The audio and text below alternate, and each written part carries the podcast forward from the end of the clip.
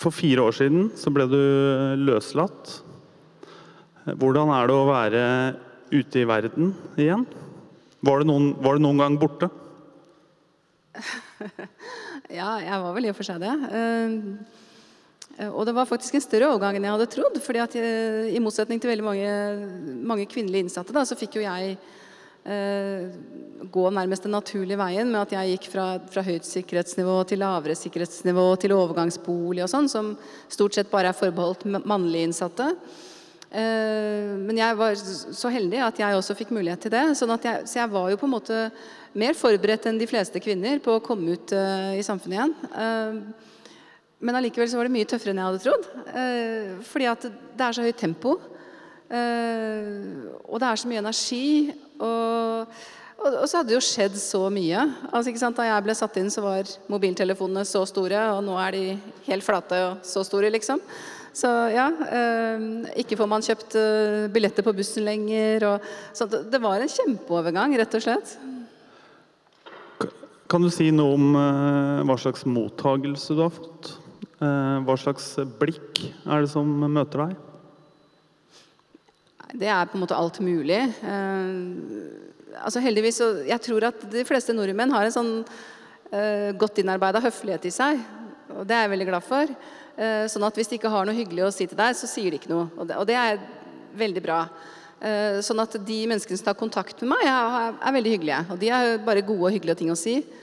Eh, men samtidig så merker jeg jo at eh, mange mener mye. Eh, mange har mange tanker. Og noen stiller også spørsmål. Og så er det noen som er veldig opptatt av dette med kjendiseriet, da. Så det er på en måte alle aspekter. Bibelen er jo full av historier om nåde og avvisning og velkomst. Er, det noen av disse historiene som du har, eh, har lest med, og som har vekket gjenklang siden? Er det, noen, er det, noen, karakterer i Bibelen du identifiserer deg med?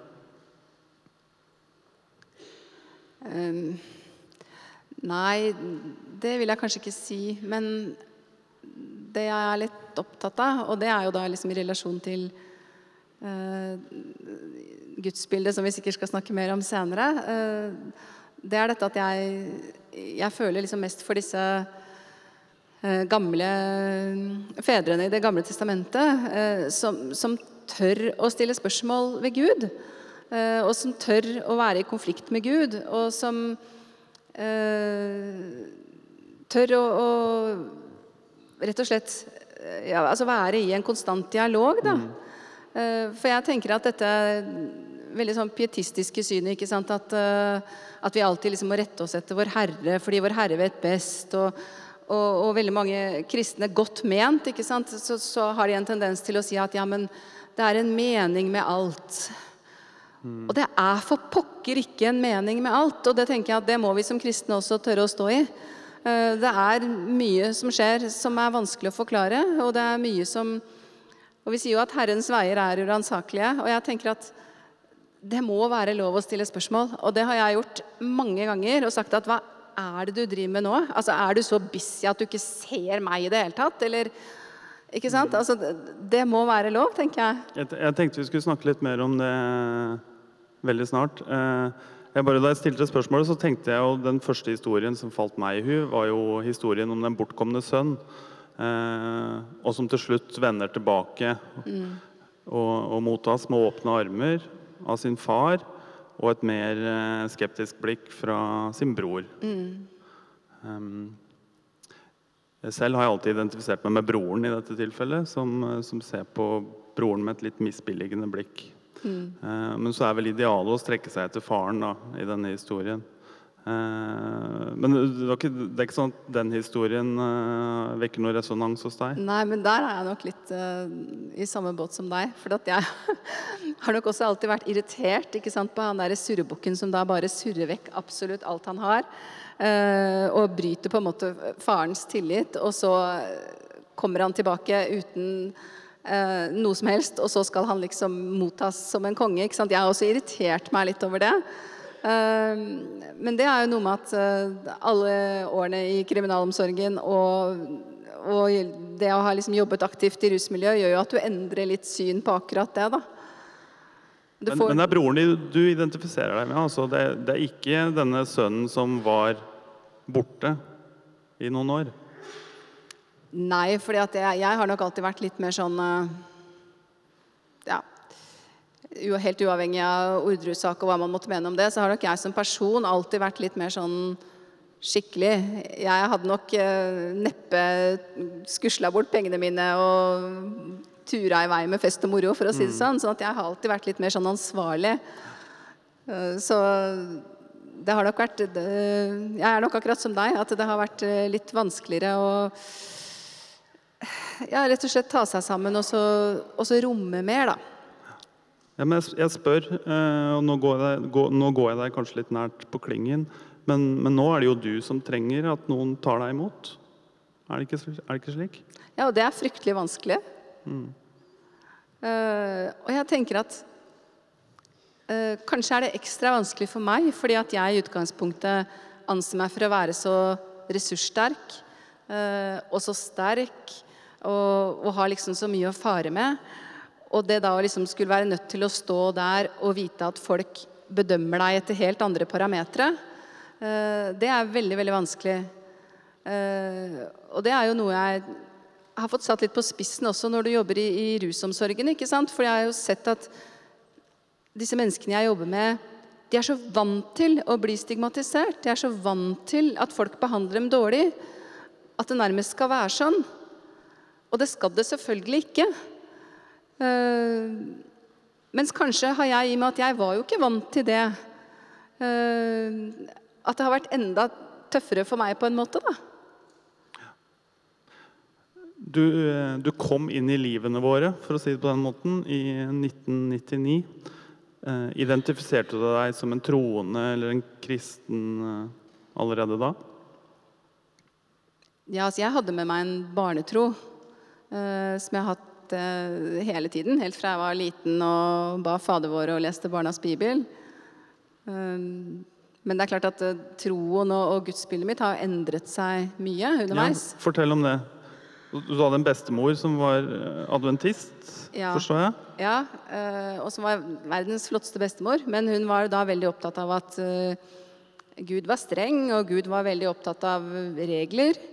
Han var veldig opptatt av hva du kunne spise, hva du ikke kunne spise. Han var opptatt av at eh, kortspill og dansing var ikke bra. Eh, og han var opptatt av eh, hvilke dager som var hellige. Og for, for adventister så er det jo lørdager. Og, og da på en måte så så adopterte jeg jo det gudsbildet litt. Da, sånn jeg så jo for meg Gud som en sånn hvithåret, gammel mann som satt høyt oppe i himmelen. Og så hadde han en sånn stor bok foran seg, en sånn svartebok. Og så satt han der og så liksom eh, satte prikker da, hver gang vi ungene gjorde noe gærent. Eh, og det var jo ikke så sjelden, selvfølgelig. Så den, Og disse prikkene holdt du oversikt med.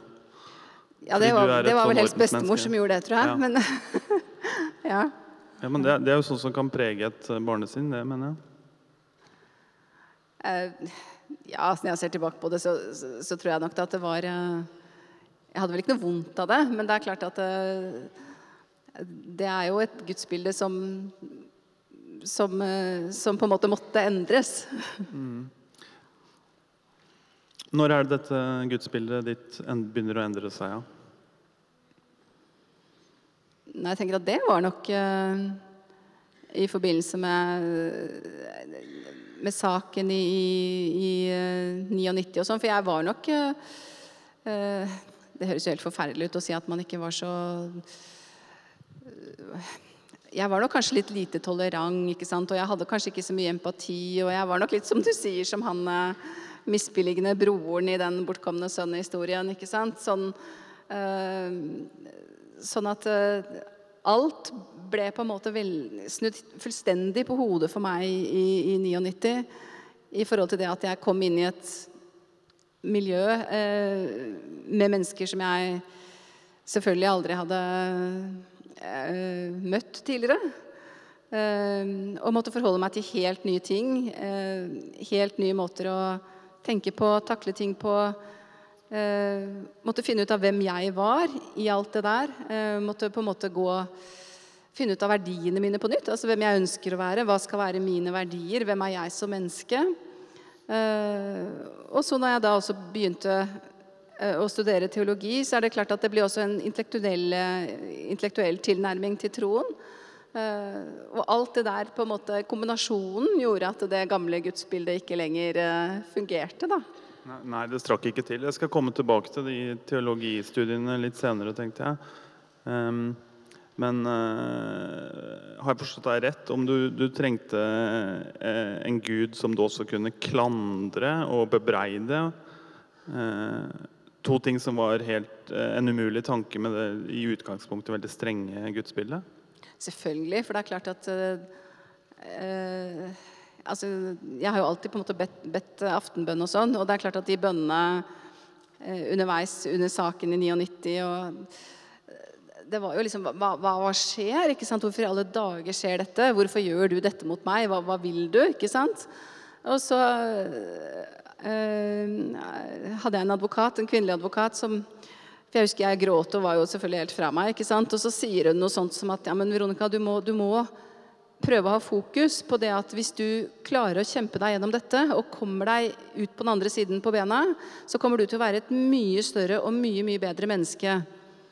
Og så husker jeg at jeg gjennom snørr og tårer liksom sa til henne at ja, men var utgangspunktet så forferdelig? Og det er klart at det, da ble det der det som vi var inne på i sted, om at det, det, er en mening med alt, og at Gud liksom har en mening med alt. Og, det er det mange kristne mennesker nå også, det som sender meg mailer og sånn, og som sier at ja, men du må jo tenke på at dette har vært Guds vilje med deg, ikke sant, og at dette har Gud gjort liksom av en grunn. Jeg er ikke så sikker på det. Jeg er ikke så sikker på at det bestandig må være en grunn. Kan det være nesten litt provoserende at folk uh, insisterer på å sette seg inn i en slik rammefortelling?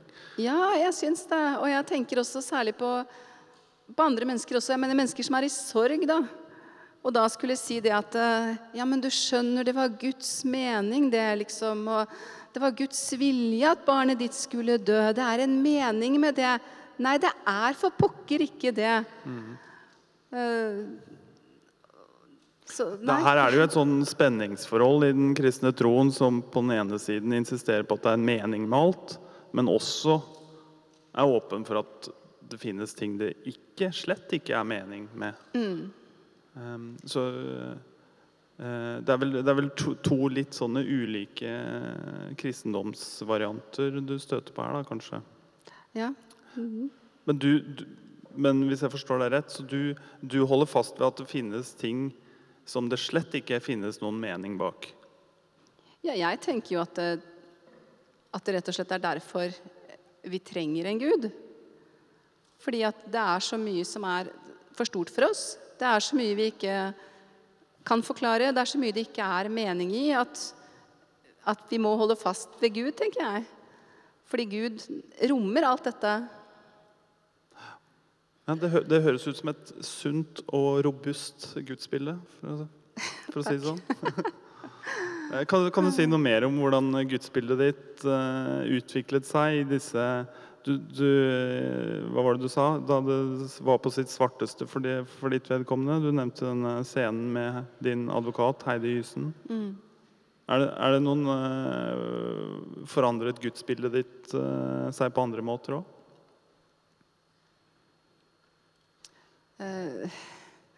Ja, altså det har forandret seg vel egentlig i og for seg på alle måter, tror jeg. Uh, I forhold til at uh, At det blir jo også en mer intellektuell tilnærming ikke sant, når man selv går til, til tekstene, da. og for det hadde ikke jeg vært flink nok til, det må jeg jo bare innrømme. Så det at når man selv går til Selv leser Bibelen, og da senere også er at man kan få lese de på, på originalspråket, så er det klart at, at uh, ting endrer seg ganske drastisk, syns jeg. Uh, og, og du, du, får jo også verktøy i forhold til å resonnere over ting på en annen måte. Uh, og så er de, men det som kanskje er på en måte aller mest viktigst, er jo møtet med alle menneskene jeg har truffet. Som jeg, og det er jo det som er Hvis det er noe som er positivt da, ved, ved det jeg har opplevd, så er det jo nettopp det at jeg har møtt så utrolig mange mennesker i så utrolig mange ulike livssituasjoner som jeg aldri noensinne ville møtt hvis jeg bare hadde svevet av gårde og levd et normalt liv. da. Uh, og det er klart at, nå tenker du på livet i fengselet? Ja, nå tenker jeg på mm. livet i fengsel og, og senere ja, også jobb i rusmiljøet. ikke sant? At uh, du, du ser menneskeverdet på en helt annen måte.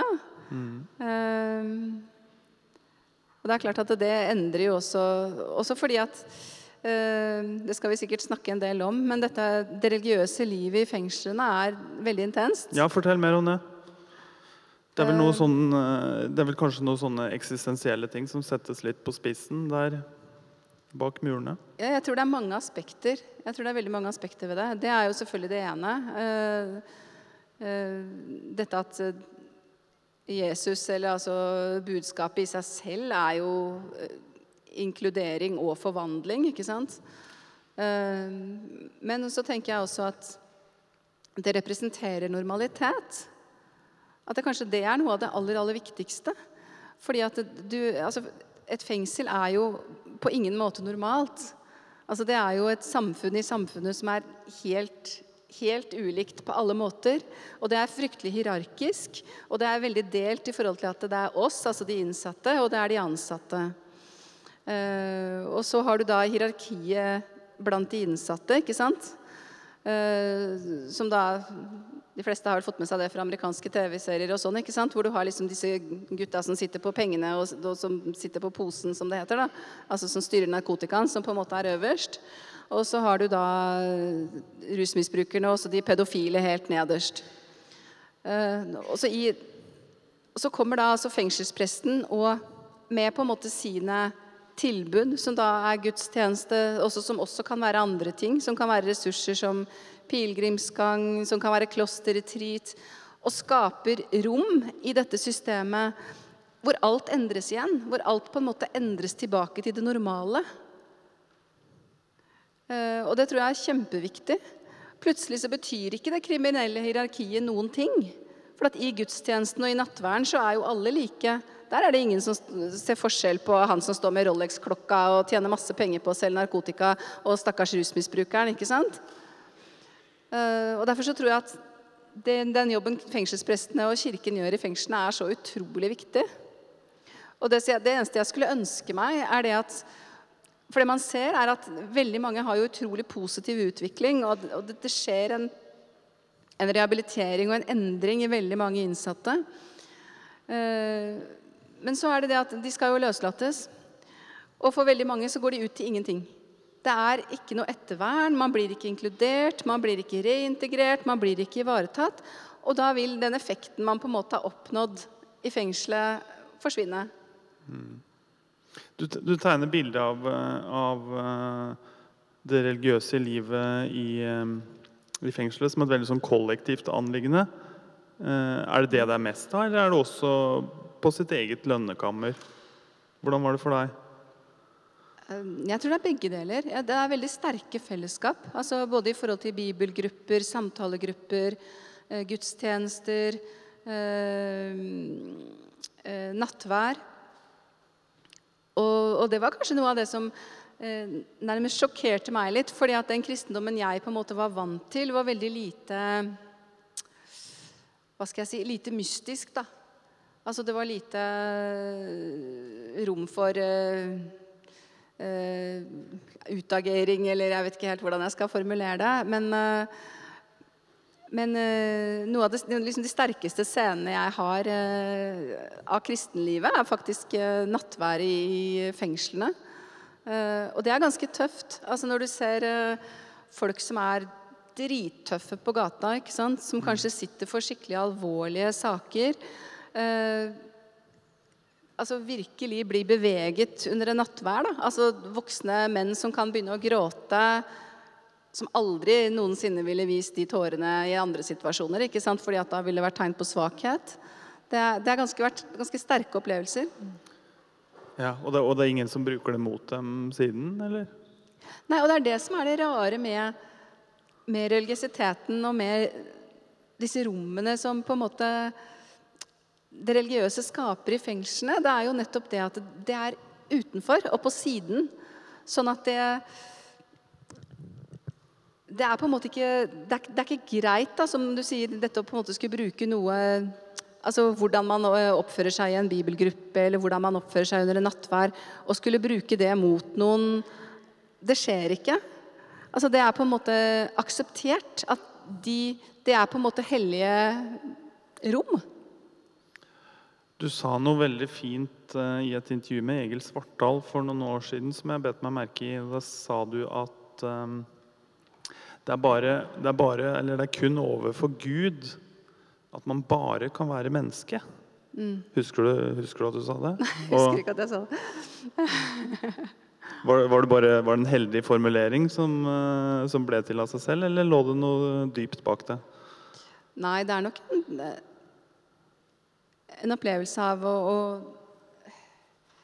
I forhold til egen del også, ikke sant At uh, Jeg føler jo dette at, uh, at jeg alltid må fremstå som, som sterk, ikke sant? At uh, det er nok noe jeg har i meg som menneske. At jeg syns det er veldig vanskelig å vise svakhet.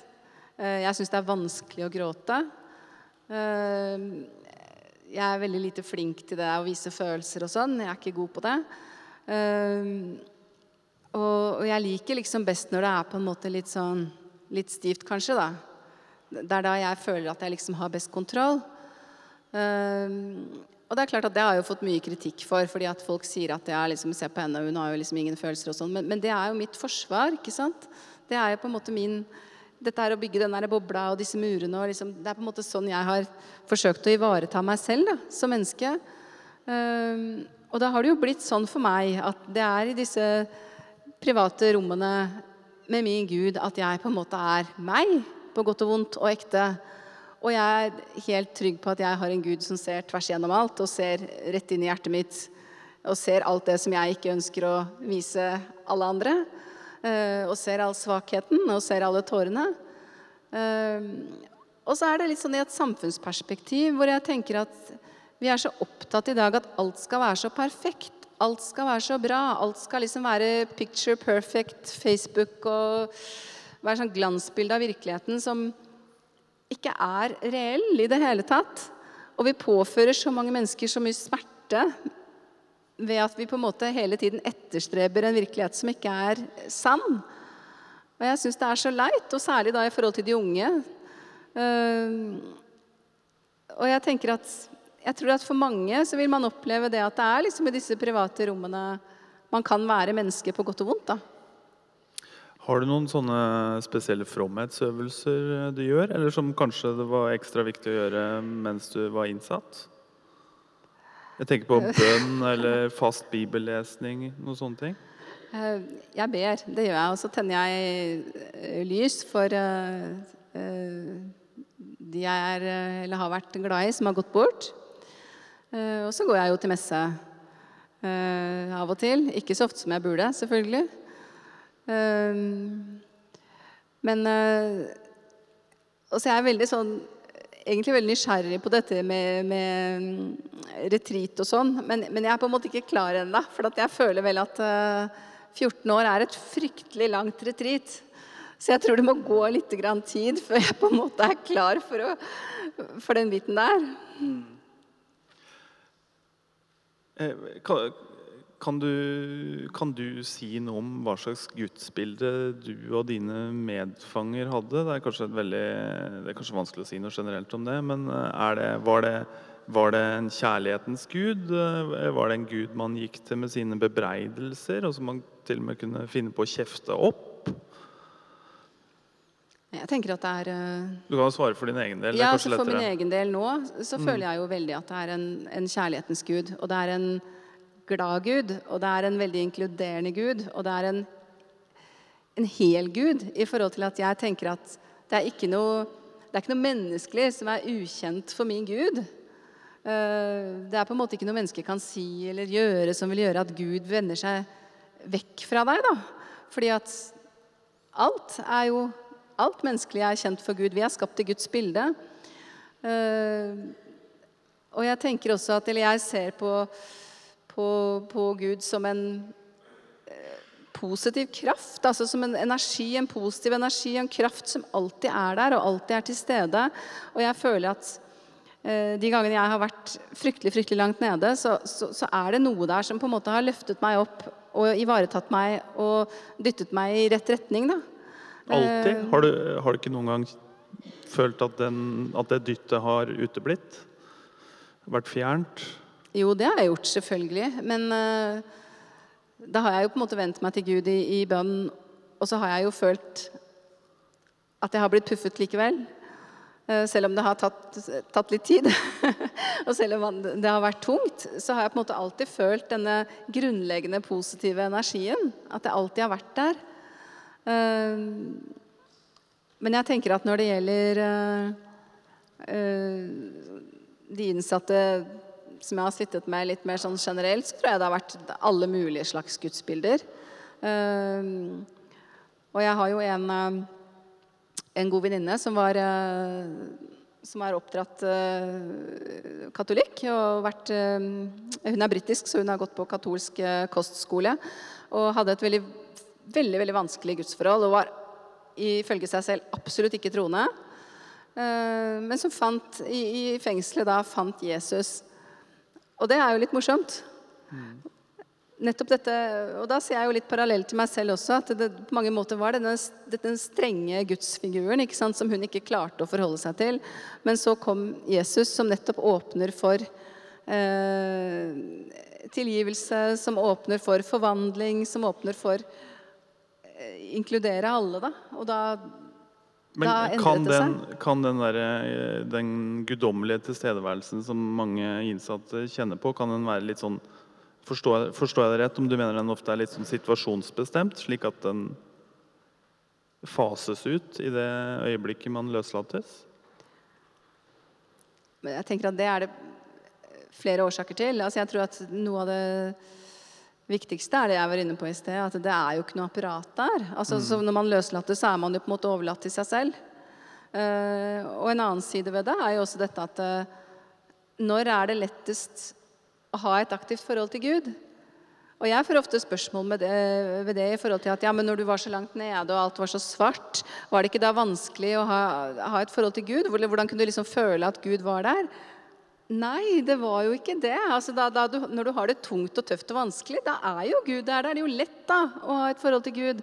Det er jo når på en måte alt går på skinner, og livet er rosenrødt, og hverdagen er travel, og alt er supert og bra. Det er jo da det er vanskelig å opprettholde et forhold til Gud. Ja, det har du nok sikkert redd i. Det guddommelige blikket som gjennomborer alt, og som ser alt, og som trenger inn til det aller innerste det, det kan jo være litt skummelt òg. Kan det ikke? Jo, det, det, er jo, det, er jo, veldig skummelt hvis Gud da sitter der med langt, hvitt skjegg og er en sånn refsende far med svartebok. Da blir det skummelt. Ja. ja. ja så, nei, så det, det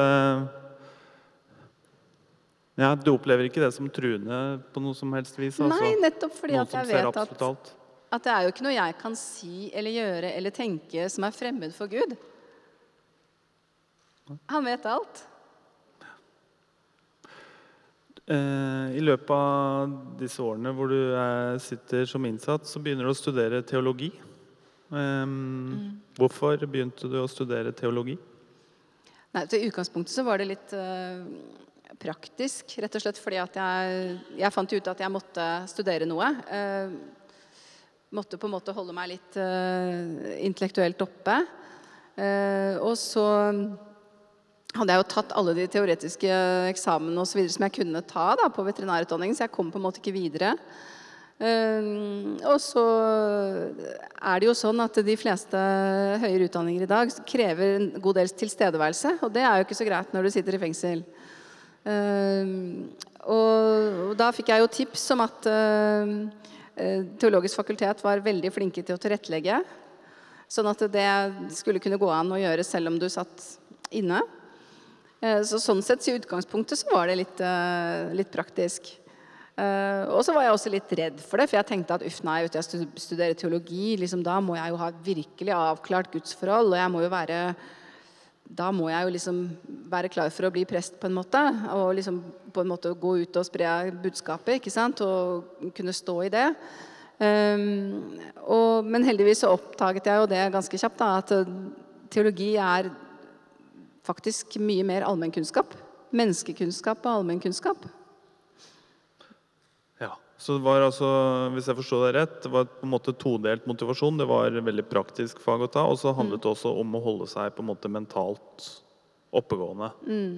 Fordi, det er, fordi det ellers forfaller eh, når man er innsatt? Ja, det, det er jo liksom litt flere ting, men det er jo det at eh, I hvert fall for meg da, så var det dette å forholde meg til et miljø med et helt annet verdisystem. ikke sant? Bare dette som jeg var inne på i sted med hierarkiet. Eh, at eh, en som selger narkotikaen og profitterer på det, og derfor kan gå rundt med store gullkjeder og Rolexer, er mye mye mer verdt enn en rusmisbruker. ikke sant? Eh, det verdisystemet da, som rår inne eh, og, og også dette at jeg jeg følte at jeg mista meg selv litt. At jeg begynte liksom nærmest å tvile litt på mine egne verdier. For vi, jo, vi mennesker vi, vi, har jo det der i oss, og jeg er ikke noe annerledes enn andre, at man vil tilhøre, man vil være en del av noe. Og jeg var liten og redd og livredd for på en måte å bli utstøtt. ikke sant? Å være den som alltid måtte være alene, sitte alene, ikke være liksom med i det gode selskap. da, I den grad man kan kalle det der et godt selskap. Uh, og dette at uh, Man fikk jo ikke lov å snakke med de ansatte. For hvis du snakket med fengselsbetjenter og på en måte brukte dem, da, da ble du jo ansett for å være tyster, og da utgjorde du en fare for de innsatte igjen. Så da ville jo ikke de ha noe med deg å gjøre. ikke sant? Og det ble fryktelig vanskelig på alle måter å forholde seg til. Og jeg tenkte at dette her, dette går ikke, liksom. Jeg må på en måte bare finne ut av hvem jeg er, og hva er mine verdier. Og så må jeg rett og slett bare tørre å stå for det, selv om jeg ender opp med å bli ekskludert og, og måtte stå alene, da. Men du vurderte aldri å studere teologi tidligere, tidligere, tidligere i livet, altså? Var... Nei, jeg gjorde ikke Nei. det. Nei. Nei? Nei. Nei da, men uh, um, hvordan, uh, hvordan er forholdet mellom tro og teologi? Gjør, den, uh, gjør teologien noe med troen? Ja, det tror jeg nok den gjør. Jeg tror at teologien gjør Det er jo en mer intellektuell tilnærming. Og det er litt viktig å være klar over også, tenker jeg, fordi at det er liksom litt viktig å beholde den kjærligheten til Gud òg, ikke sant? Altså beholde gleden over troen, da. og alt liksom det positive rundt det. Og at det er greit at det, mye av det er nødt til å være en intellektuell øvelse, men det må ikke bare bli det.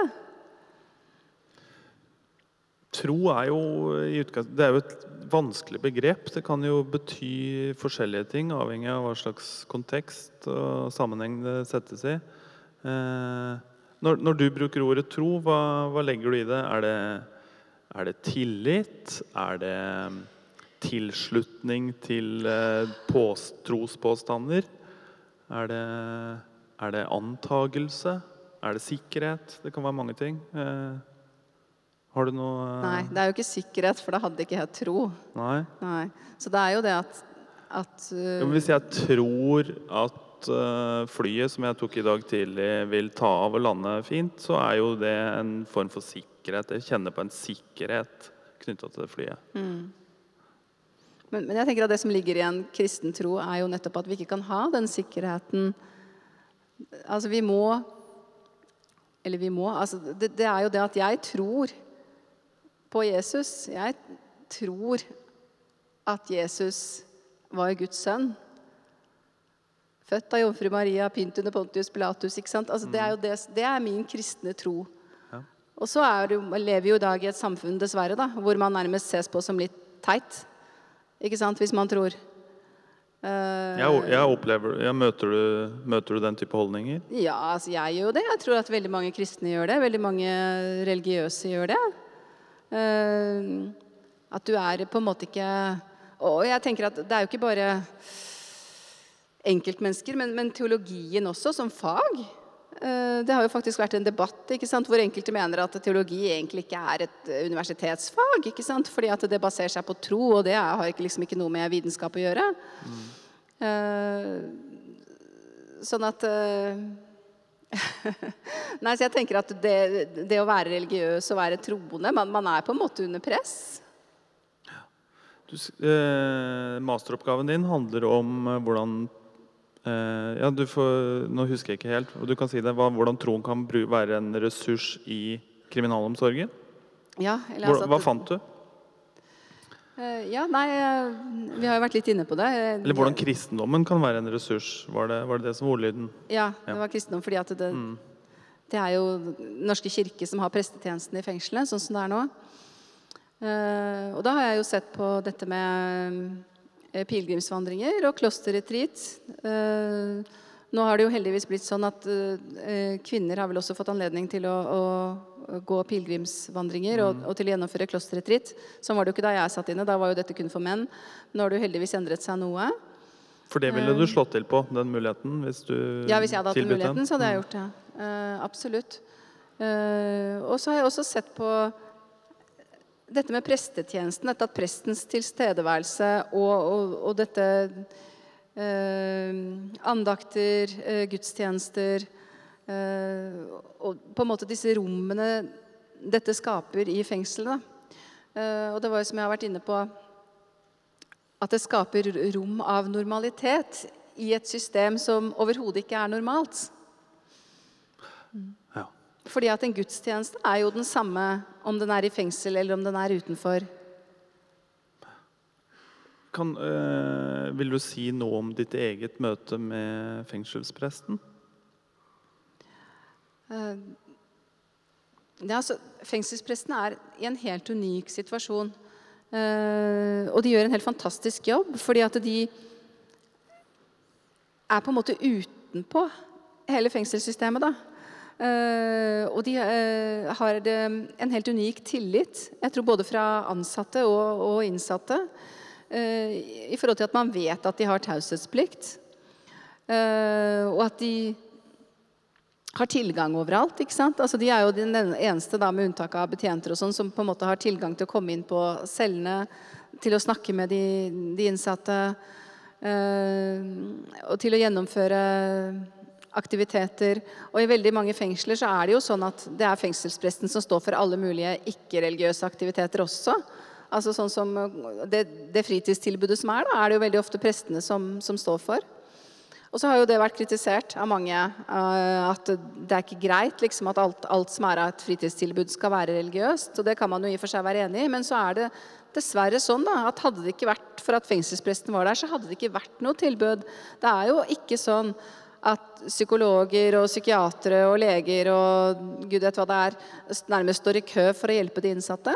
Den eneste som er der og på en måte kan fylle den rollen, er jo fengselspresten.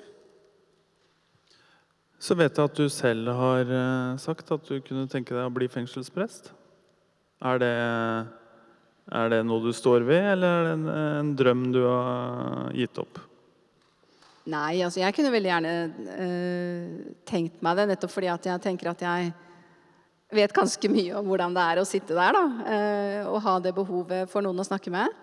Uh, og jeg er så full av respekt og beundring for den jobben de gjør, altså de fengselsprestene jeg har vært borti. da. De gjør en helt fantastisk innsats, og jeg vet også hvor utrolig glad de innsatte er i prestene, og hvor mye de betyr. Eh, For at de representerer som sagt en, en flik av noe normalt da, inn i en tilværelse som er alt annet enn normal. Ja. Men du, eh, det, det knytter seg jo for det første, det knytter seg jo en del sånne formelle kriterier til det å bli prest. Man skal først ha praksis, og så skal man ordineres. Eh, og så må man jo legge frem en politiattest. Så, så du kan Du har muligens et problem, mener jeg. Jeg, har nok et jeg var nok litt naiv der, så jeg har nok eh, muligens et lite problem i forhold til å bli prest. ja. Eh, Men du, du har fått tilbudt en praksisplass, riktig? Som du riktignok takket nei til? Som prest? Eller? Uh, ja, uh, Jeg mener du har lest det en gang. Det var bare det. Ja. Uh, ja, altså jeg fikk uh, Omsider Det var jo selvfølgelig noen som ikke ønsket å ha meg også som prestestudent. da. Uh, men så var det en menighet som, som, åpnet opp for at jeg kunne ha praksis hos dem. Det var det. Så, men så skjedde det akkurat da moren min var alvorlig kreftsyk og var på det siste. og så var det også veldig mye annet. Og så er det jo også noe med at selv om jeg ønsker å tro at jeg er kjempesterk og kan takle absolutt alt, så er det noe med at man kan på en måte bare kjempe så mange kamper om gangen. Altså, selv jeg klarte ikke å stå i alt det der, da. Så, så når, det, når, det, tilbudet da til slutt kom etter ganske mye intens kamp, så begynte jeg å jobbe i rusomsorgen isteden. Ja. Ja, for det har, det har, vært en del avvisninger her. Ja, det er det som ja. er underteksten, ikke sant? Ja. Eh, hvordan opplever du det? Altså, kirka som eh, For det første er jo Bibelen full av historier der de forskjelligste karakterer med de mest forskjellige forhistoriene får nye sjanser og brukes av Gud i hans tjeneste. Eh, mens du møter en stengt dør her. Vil du si noe om eh, hvordan du opplever det? Nei, altså Man blir jo selvfølgelig lei seg. Eller jeg blir lei meg, ikke mann. Jeg blir lei meg, jeg gjør jo det. Men samtidig så, så har jeg jo også forståelse. Jeg, må jo si det sånn intellektuelt, så klarer jeg å ta det skrittet tilbake og på en måte heve perspektivet litt og så si at jeg, jeg har forståelse for det. Jeg skjønner det. Eh, jeg skjønner at det helt sikkert er mange som ville ha problemer med å forholde seg til meg som prest. De har ikke noe problem med å skjønne det. Eh, samtidig så tenker jeg at mange også ville synes det har vært godt eh, å snakke med noen som har opplevd mye selv. Eh, for det er det jeg ofte merker i mitt møte med andre mennesker. Da, at jeg føler ofte at den terskelen er lavere. Altså man trenger ikke, altså Når folk møter meg, så trenger de på en måte ikke å late som om alt er hele livet er sånn som det uh, legges ut på Facebook. Altså, det er ikke så perfekt, ikke sant? Fordi at man trenger ikke å forstille seg til meg. Uh, det føler jeg på, og, og det syns jeg jo er veldig ålreit. Ja, nettopp. Så, I akkurat så, sånn henseende så er du veldig godt posisjonert. Mm. Nettopp pga. det med forstillelsen, ja. Eh, vi, vi, nærmer oss slutten. Jeg tenkte jeg ville høre litt om eh, hva er det du eh, hva slags planer har du fremover? Hva er det du drømmer om? Du, du nevnte at du har vært litt innom rusomsorgen. Mm. Ser, du for deg at det kan være en karrierevei? Ja, det, var, det, er kjempekoselig å jobbe. Eller koselig, det høres jo helt forferdelig ut. For det er klart det er, det er tøft også. Og, uh, mye tungt og mye vondt. Men uh, jeg må si det at uh, jeg jobbet to og et halvt år i, i Frelsesarmeens rusomsorg, og det var ikke en dag hvor det ikke var noe gøy. Altså, det var noe morsomt hele tiden. Uh, så, så det, var, det, var, en kjempeopplevelse. Jeg fikk treffe masse flotte, fine mennesker på gata i Oslo. Uh, så jeg er kjempeglad for det. Uh, men om det er noe jeg ønsker å gjøre videre, det Jeg vet ikke. Jeg er egentlig litt sånn åpen for, åpen for alt, jeg. Ja. mm. og, og, Gud, da? Hvordan passer han inn i i eh, framtiden til Veronica Orderud? Han er jo med på lasset, da. ja, med. Mm. Nei, jeg tenker at det, eh, det ligger jo i det å, å definere seg selv som troende, er jo at, at uh, Gud er der. Han er, han er, til stede hele tiden. Og så gjør jeg feil, og jeg driter meg ut. Og jeg er mye mindre åpen og mindre tolerant enn jeg skulle ønske at jeg var. Uh, og sånn er det bare. Fordi at jeg er menneske som alle andre. Men man må bare hele tiden etterstrebe å være så åpen og tolerant og så bra menneske som man kan, tenker jeg. Og noe mer får vi ikke gjort, noen av oss. Ja, kan, du si det, kan du si noe mer om hvordan du på en måte strekker deg etter disse idealene? Hvordan jeg strekker meg etter? Ja, hvordan du strekker deg etter disse idealene, og hvordan, eh, hvordan Gud hjelper deg i så måte? Nei, altså, det er jo som jeg var inne på. Det er jo dette at uh, jeg prøver å ha fokus hele tiden på at uh, det er ikke opp til meg å være kritisk til andre mennesker. Det er ikke opp til meg å dømme noen. Uh, og det tenker jeg det er godt også. Det, å ha det utgangspunktet. At det er det ikke vi mennesker som skal gjøre.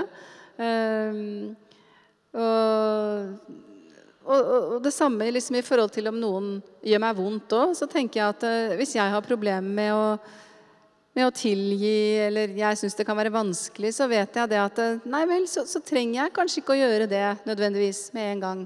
Fordi at det kan jeg overlate til Gud. Det er mye i livet som er for tøft og for vanskelig for oss mennesker, og som er for tøft og for vanskelig for meg. Og det kan jeg overlate til min Gud. Kristendommen gir jo en ramme for mange av disse ulike begrepene, nøkkelbegrepene som du nevner her. Tilgivelse, nåde, mm. men også skyld. Eh, er, hvis du helt til slutt på en måte skal peke på det mest sentrale motivet for deg i kristendommen, hvilket er det? det mest sentrale? Uh, nei, altså jeg tenker jo at uh, Det blir litt sånn Teologisk så blir det litt vanskelig å bruke så store ord, da, men jeg tenker at det er at det er flere ting som er, er, sentralt for meg i kristendommen. Jeg tenker at det er, det er tilgivelse, det er forsoning, og det er forvandling i Jesus. Altså den forvandlingen som skjer når du tar imot Jesus. da. Og jeg tenker at i forhold til dette med tilgivelse og forsoning, så tenker jeg at for meg så ligger mye i dette at eh, eh, Troen på og håpet om at, at, Gud tilgir absolutt alt. Uh, og samtidig å vite at hvis jeg er for liten til å klare å tilgi de jeg mener jeg har gjort meg vondt, så kan jeg overlate det til Gud også.